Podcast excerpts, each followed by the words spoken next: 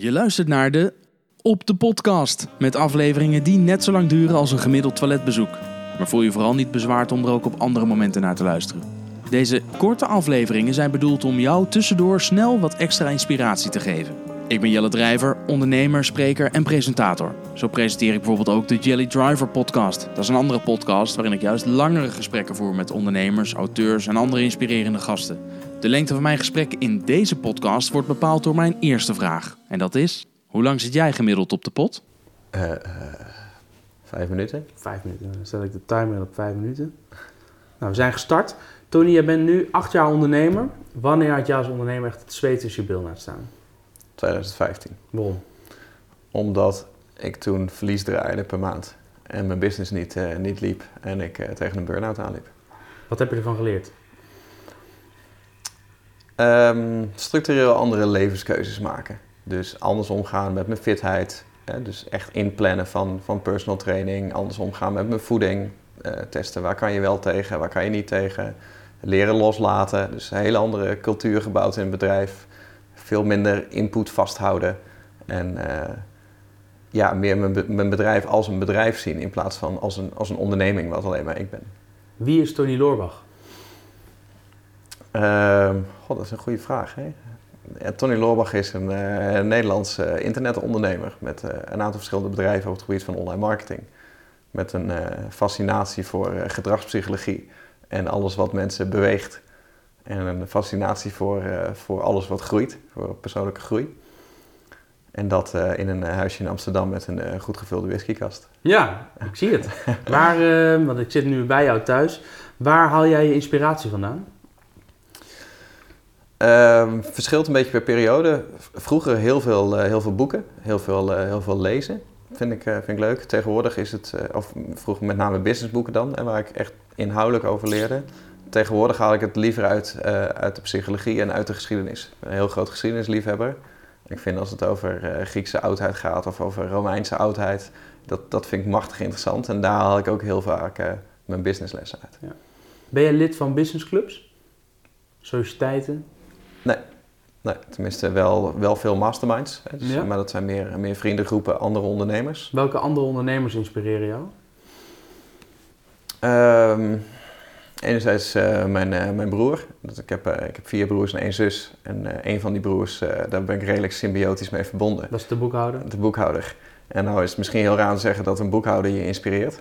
Nou ja, kan je wel scherp houden ook. Maar nee, Gerrit en ik zijn wat dat betreft heel close en trekken heel erg samen op. En, en ik vind dat hij een hele unieke kijk op, op business heeft.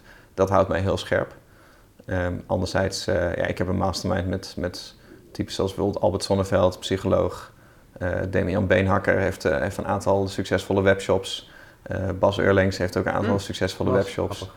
Weet je, dat zijn, dat zijn wel ondernemers die denk ik dichtste bij mij staan waar ik, waar ik heel veel inspiratie uit Hoe haal. vaak spreek je die? Nou, sowieso elke week wel. Maar gaan jullie dan met z'n allen bij elkaar zitten of is het telefonisch of hoe gaat dat? Nou, huddle? We hebben geen huddle, nee. nee. Dat is meestal app-contact of, uh, of bellen. En uh, Damian zie ik regelmatig, omdat ik ook vaak bij, bij hem train. Um, ja, één keer in de zoveel maanden spreken we met die hele mastermind af. Of, of hebben een borrel op kantoor bijvoorbeeld. Ja.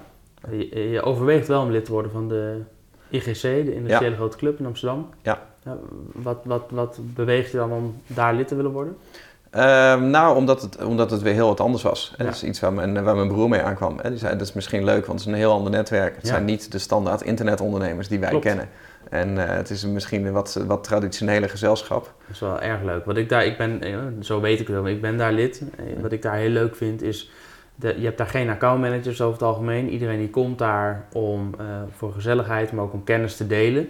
Dus het komt, in de statuten, in de huisregels staat ook het uitwisselen van visitekaartjes is toegestaan, mits discreet. Daar moet Ja. gewoon niet de focus op liggen. Mhm. En als je zegt uh, geschiedenis en uh, psychologie, ja, daar zijn wel weer tafels voor binnen de IGC. Klopt, Dus, ja, lijkt me dus wellicht kom ik je daar nog eens een keer... eh, Ja, als je mij kan tegen. aanbevelen, dan uh, kom ja, ik misschien ja, binnen. kan zeker. Ja, dat, ja, dat wil ik wel doen. Ja. Dat moet, hè. Drie moet je er hebben, geloof Ja, ik. Klopt. Anders mag je niet meedoen, en- ja. ja, dat komt goed. Ehm, je komt oorspronkelijk uit Groningen.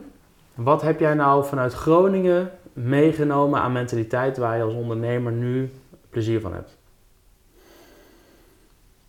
Ehm,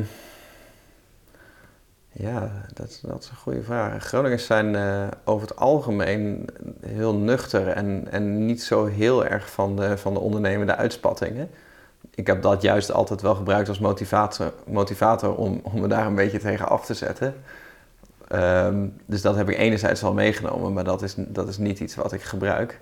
Maar ik denk, wat ik, wat, wat ik het meest uit Groningen heb, weet je, Groningers hebben heel weinig bullshit. Groningers zijn meestal redelijk inhoudelijk, uh, over het algemeen heel betrouwbaar. Je weet gewoon dat wat ze zeggen, dat menen ze. En dat, en dat doen ze ook. Er, zit, er zit niet heel veel poeha omheen. En dat is ook nog steeds altijd wel de kern in mijn business geweest. Hè? Ondanks dat ik een hele uitgebreide contentstrategie voer, um, is het altijd heel erg gestaafd op inhoud. Ja. En ik denk dat ik dat vanuit het Groningse geërfd heb. Tony, de vijf minuten zitten erop. Uh, dat betekent het einde van uh, deze podcast. Als je nou meer wil weten over Tony Loorbach, over wat hij als ondernemer doet en de route die hij bewandeld heeft, luister dan naar de lange versie van de podcast, namelijk de Jelly Driver podcast. Tony, dankjewel. Graag gedaan.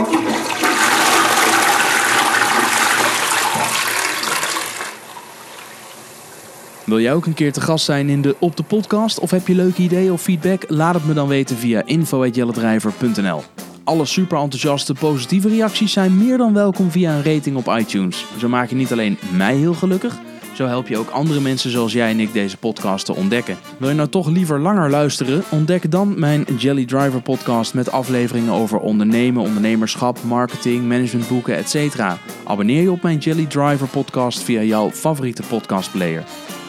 Meer informatie over mij en mijn podcast vind je op jellendrijver.nl slash podcast. En alle social links naar mijn social kanalen vind je in de show notes. Dankjewel voor het luisteren en tot de volgende op de podcast.